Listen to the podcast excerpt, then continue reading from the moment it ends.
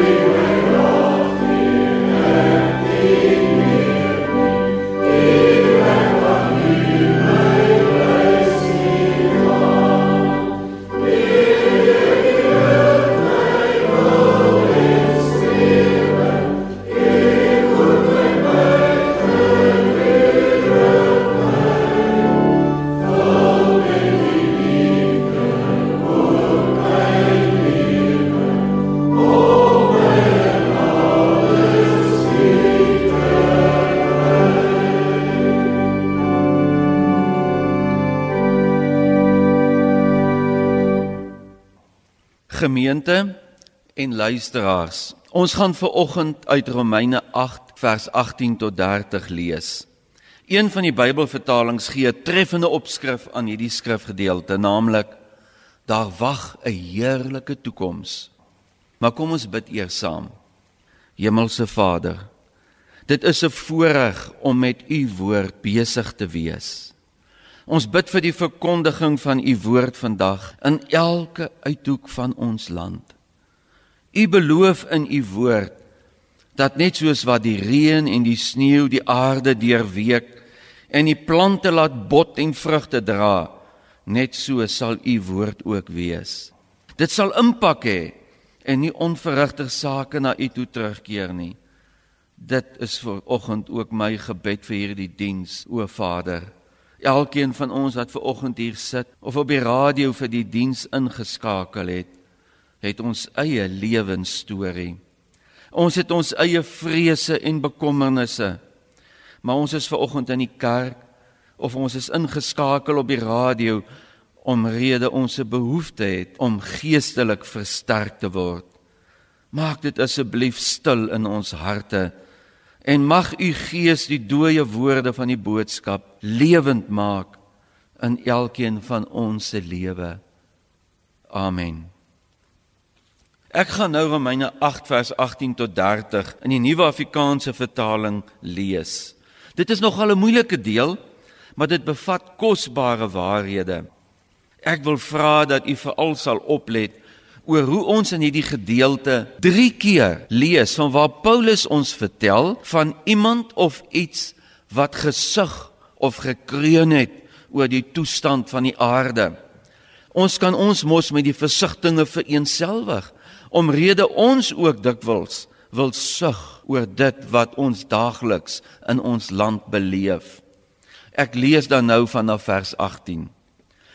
Ek is daarvan oortuig dat die lyding wat ons nou moet verduur nie opweeg teen die heerlikheid wat God vir ons in die toekoms sal laat aanbreek nie.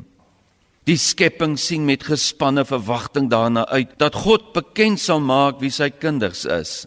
Die skepping is immers nog aan verydeling onderworpe, nie uit eie keuse nie, maar omdat God dit daaraan onderwerp het. Daarby het hy die belofte van hoop gegee. Die skepping sal self ook bevry word van sy verslawing aan die verganklikheid om so tot die vryheid te kom van die heerlikheid waaraan die kinders van God deel sal hê. Ons weet dat die hele skepping tot nou toe sug in die pyne van verwagting. En nie net die skepping nie, maar ook ons wat die Gees ontvang het as die eerste gawe van God, ons sug ook. Ons sien daarna uit dat God sal bekend maak dat hy ons as sy kinders aangeneem het. Hy sal ons van die verganklikheid bevry. Ons is immers gered en ons het nou hierdie hoop. Wat 'n mens al sien, hoop jy tog nie meer nie? Wie hoop nog op wat hy reeds sien? Maar as ons hoop op wat ons nie sien nie, wag ons daarop met volharding. Die Gees staan ons ook in ons swakheid by.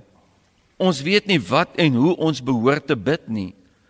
Maar die Gees self pleit vir ons met versigtings wat nie met woorde gesê word nie. En God wat die harte deurgrond, weet wat die bedoeling van die Gees is, want hy pleit volgens die wil van God vir die gelowiges. Ons weet dat God alles ten goeie laat meewerk vir die wat hom liefhet, die wat volgens sy besluit geroep is. Die wat hy lank tevore verkies het, het hy ook bestem om gelykvormig te wees aan die beeld van sy seun, sodat sy seun baie broers kan hê van wie hy die eerste is. En die wat hy daartoe bestem het, het hy ook geroep En die wat hy geroep het, het hy ook vrygespreek. En die wat hy vrygespreek het, het hy ook verheerlik. Ek lees tot sover. As dit nou enigsins vir u moontlik is om u Bybel by u die skrifgedeelte oop te hou, dan wil ek u nooi om dit te doen, sodat ons 'n bietjie dieper kan kyk na die gedeelte wat ons gelees het. Paulus het ons hier vertel van drie versigtings, drie persone wat gesig of gekreun het oor die toestand van die wêreld en die verganklikheid en nie te vergeefsheid daarvan. Dit was eerstens die skepping wat hier as 'n persoon voorgestel is wat gesug het. En in die tweede plek was dit die mense wat gesug het en dan was dit God se gees wat gesug het. Maar kom ons begin eers by ons eie situasie. Daar's mos talle dinge wat rondom ons gebeur wat ons ook net so laat sug. Elkeen van ons kan ons eie storie vertel van die seer en die pyn in hierdie wêreld wat ons so laat sug. Ons sal verhale hoor soos van die gesinnetjie wat deur rowers oorval is of 'n goeie vriendin wat kanker het of 'n buurman wat sy werk verloor het of 'n pa of 'n ma wat beroerte gekry het of 'n familielid wat demensie het of 'n vriend wat 'n kind in 'n motorongeluk verloor het of 'n jong man of jong meisie wat in die greep van dwelms vasgevang is of die soveelste renoster wat alweer die afgelope week gestroop is en so kan ek aangaan en al hierdie hartseer dinge laat ons skreeën en diep sug oor die stand van die wêreld soos wat ook die skepping en die gelowiges en selfs God se gees in Romeine 8 gesag het oor die wêreld. En dan vra ons, "Hoekom, Here?"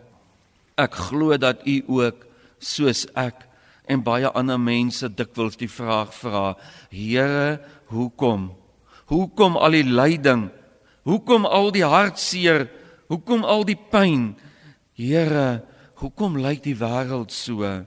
Hoe kan 'n God wat goed is soveel swaar kry toelaat? Lyding en swaar kry is nooit lekker nie. Kom ons kyk ver oggend of Romeine 8 vir ons 'n antwoord kan gee op ons vrae oor die rampe en lyding en hartseer verhale in ons wêreld. In die eerste plek is dit nie net ons wat soveel hartseer en pyn sien en beleef nie. Paulus en die gelowiges in sy tyd het dit self ook in hulle eie lyf gevoel. Daarom dat Paulus self ook in Romeine 8 oor die gebrokenheid van hierdie wêreld skryf. Maar voordat ons weer kyk na die gedeelte wat ons gelees het, kom ons lees net eers die vers wat dit voorafgaan. En ek verwys nou na vers 17. Daar staan: Ons is erfgename van God erfgename saam met Christus. Aangesien ons deel het aan sy lyding, sal ons ook deel hê aan sy heerlikheid. Ja, hierdie vers sê dat ons deel het aan Christus se lyding.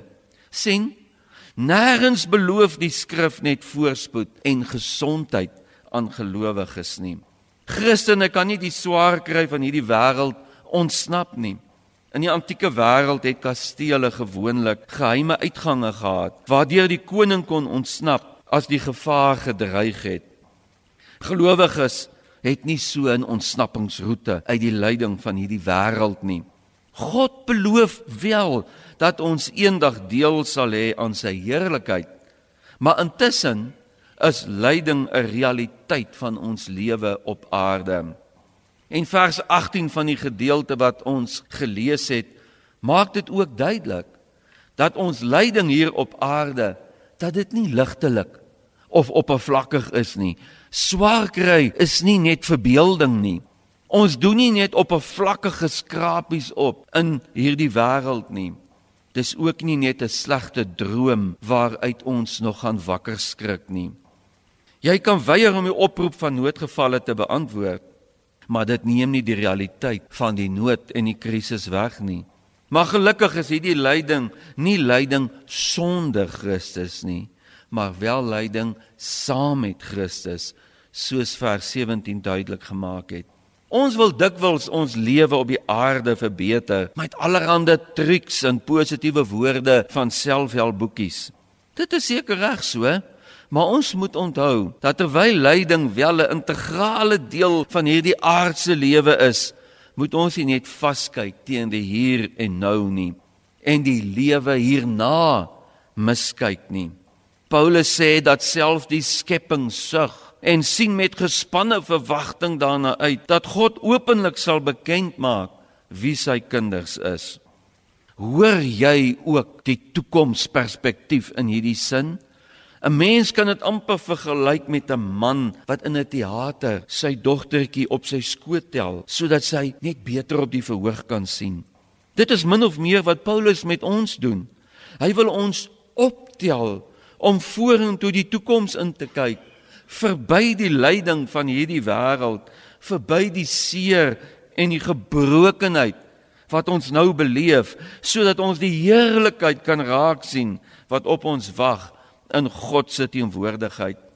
Die opskrif van hierdie gedeelte is mos juis die heerlikheid wat kom of daar wag 'n heerlike toekoms. So dikwels ploeter ons hier voort en vergeet ons dat ons ons oë moet ophef en die horisonne moet verken en moet uitsien na die heerlikheid wat kom. Dit gaan in hierdie gedeelte ook nie net oor geestelike lyding ter wille van die evangelie nie. Maar dit gaan oor die verganklikheid en die gebrokenheid van die aarde in die breë.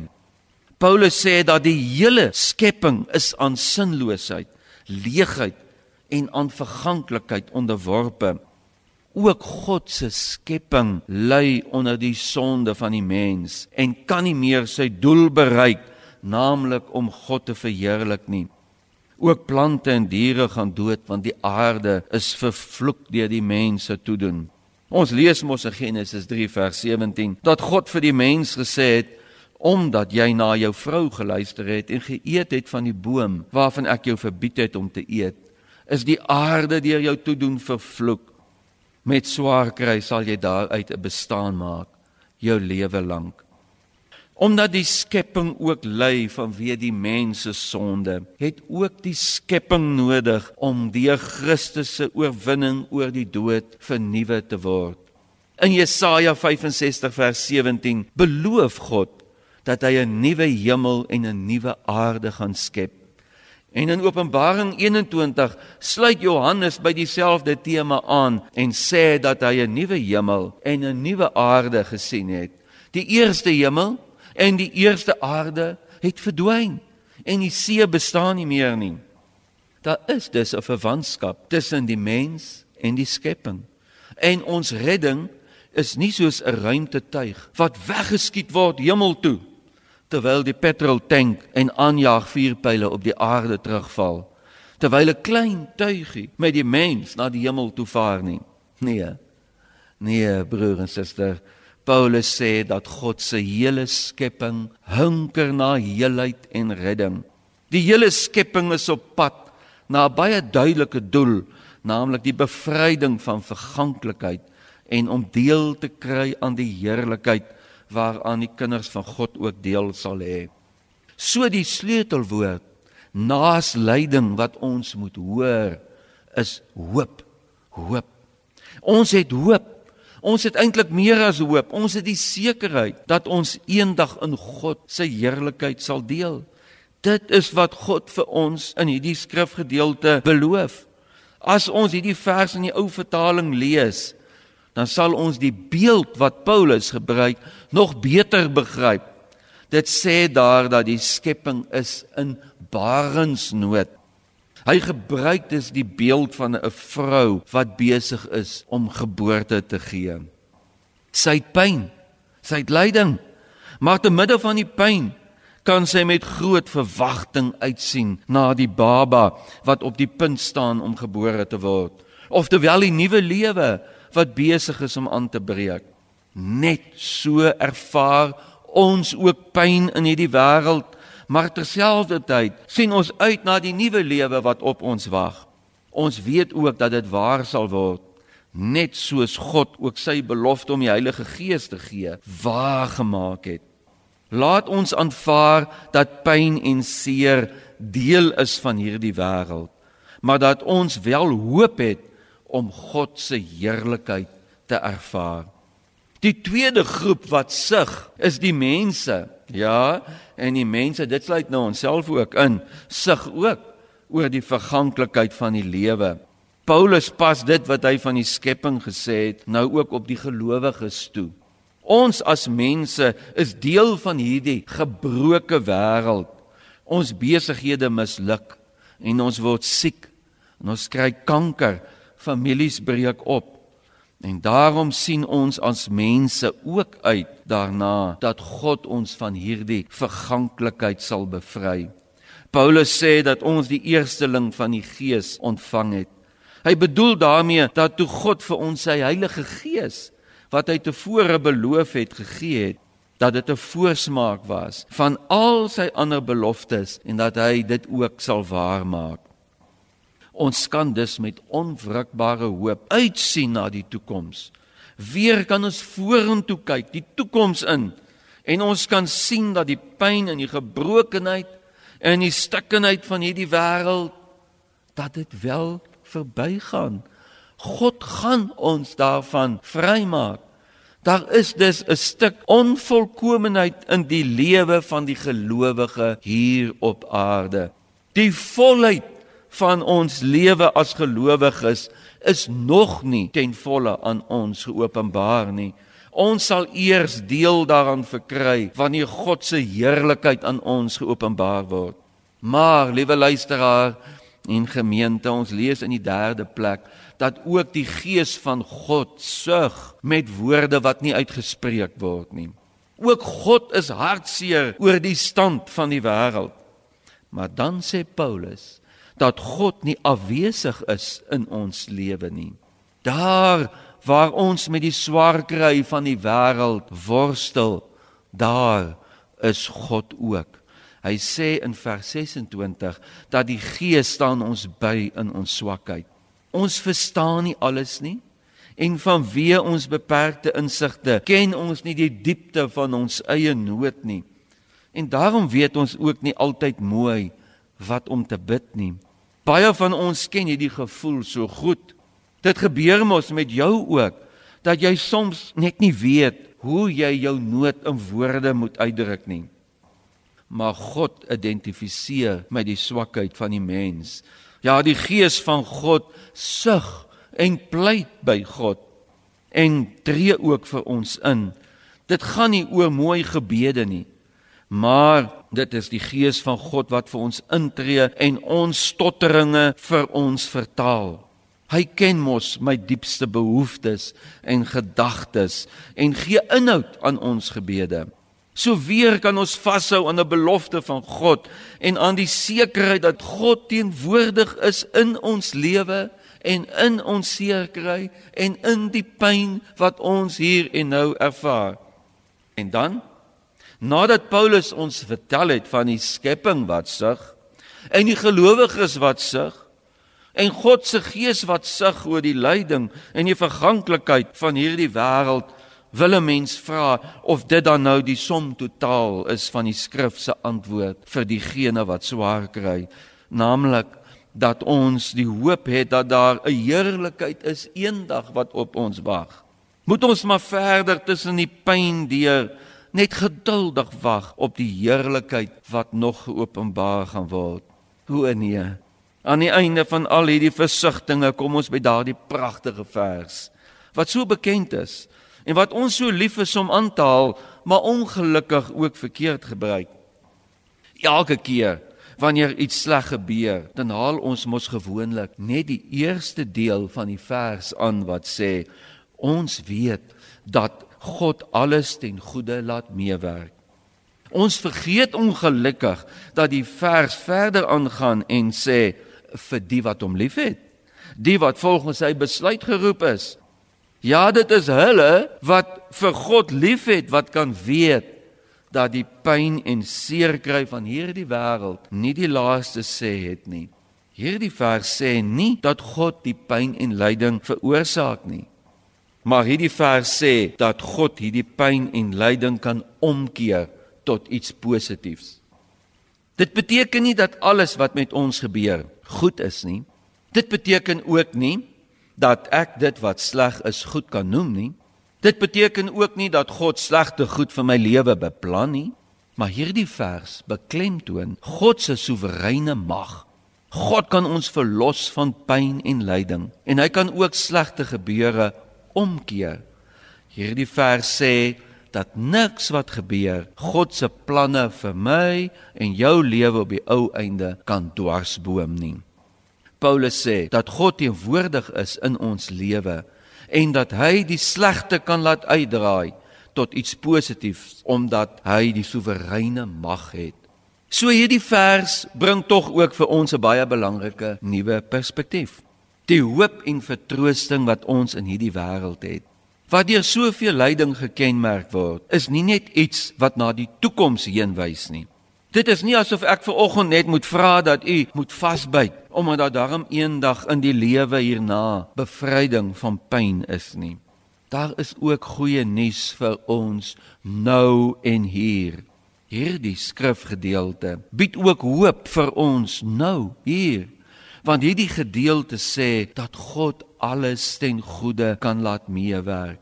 Die sekerheid wat ons het dat God dinge positief sal omdraai vir my en jou. Dit is nie te danke aan my en jou nie. Dit is te danke aan God. Dis ook nie omdat ek en jy vir God liefhet nie. Dit is omdat God 'n ewige doel met ons het. God kan hier en nou wonderbaarlik ingryp in ons lewe. Maar God se ingryping in ons lewe berus nie op ons eie verdienste en prestasie nie, maar op sy ewige plan wat hy sal uitvoer. Geen slegte gebeure, geen siekte, geen ramp kan God se plan vir ons lewe verongeluk nie.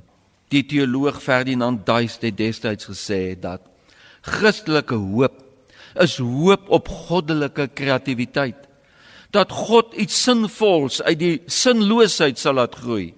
Dat daar onverwags iets onvergankliks uit die verganklikheid gebore sal word. Dis 'n hoop op iets wat net God kan doen, naamlik om orde uit chaos te skep. Dat God kan ingryp en alles ten goeie kan laat meewerk vir diegene wat hom liefhet. Ons hoop is dus nie net op die toekoms gerig nie, maar ook op hier en nou. Paulus sê ook dat hierdie onderdrukte wêreld bevry sal word. Ons weet nie wanneer nie, maar ons weet tot wat. God sal hierdie wêreld wat so misvorm is deur sonde weer gelykvormig maak aan die beeld van sy seun. Wat leer ons dan? God se woord sê dat lyding 'n realiteit is van ons aardse lewe. Voor die wederkoms van Christus is ons steeds aan die gevolge van die sonde, naamlik lyding en dood onderworpe. Dit is nie altyd 'n lekker boodskap om te hoor dat ons nie op die aarde lyding gaan vryspring nie. Ons glo mos dat ons met ons wetenskap al hoe meer probleme kan oplos. Verder sou dit baie meer populêr gewees het as ek vanoggend vir julle as luisteraars kon sê dat Christene nie aan lyding onderworpe is nie en dat gelowiges net voorspoed en sukses sal smaak. Maar die Bybel sê egter dat volkomme verlossing van pyn en seer tot op die hiernamaals wag. Die pyn en seer en verganklikheid van hierdie wêreld laat die skepping sug. En dit laat my en jou ook sug en kreun. En ook die gees van God sug oor die vernietigende effek van sonde.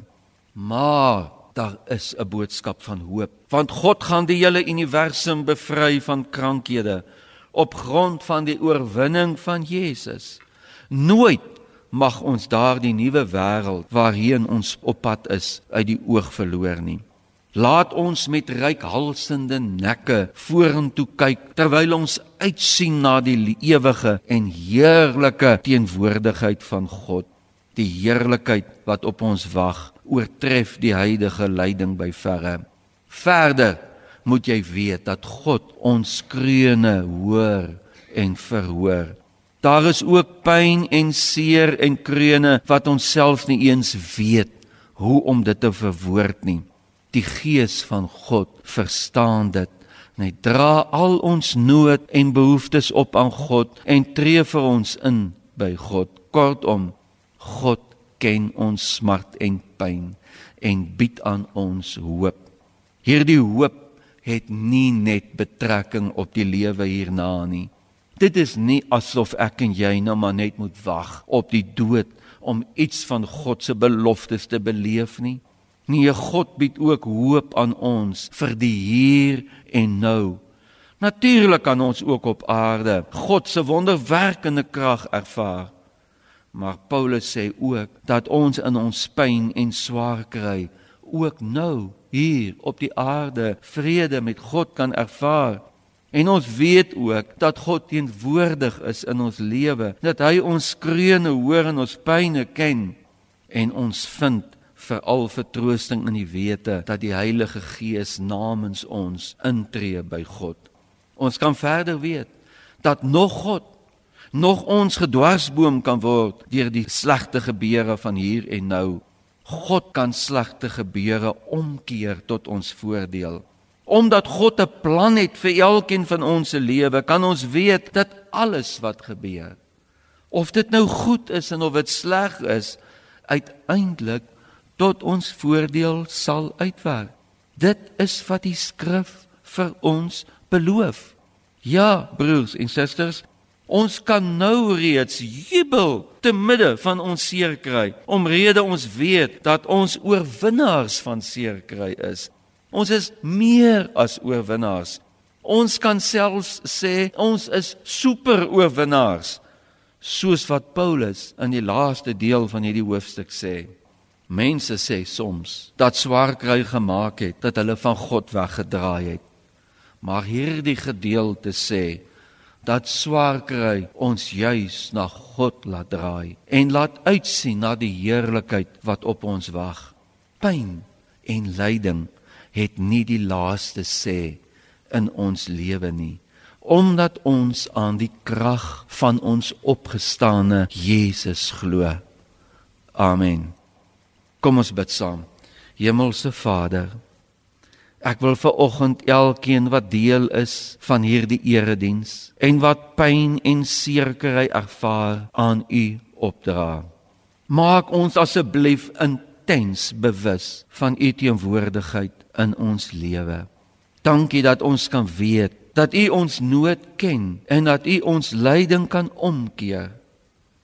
Vader, dankie vir die sekerheid dat ons op weg is na 'n ewige heerlikheid saam met U. Dankie dat ons nou reeds hier ook 'n oorwinningslewe kan lei. Amen.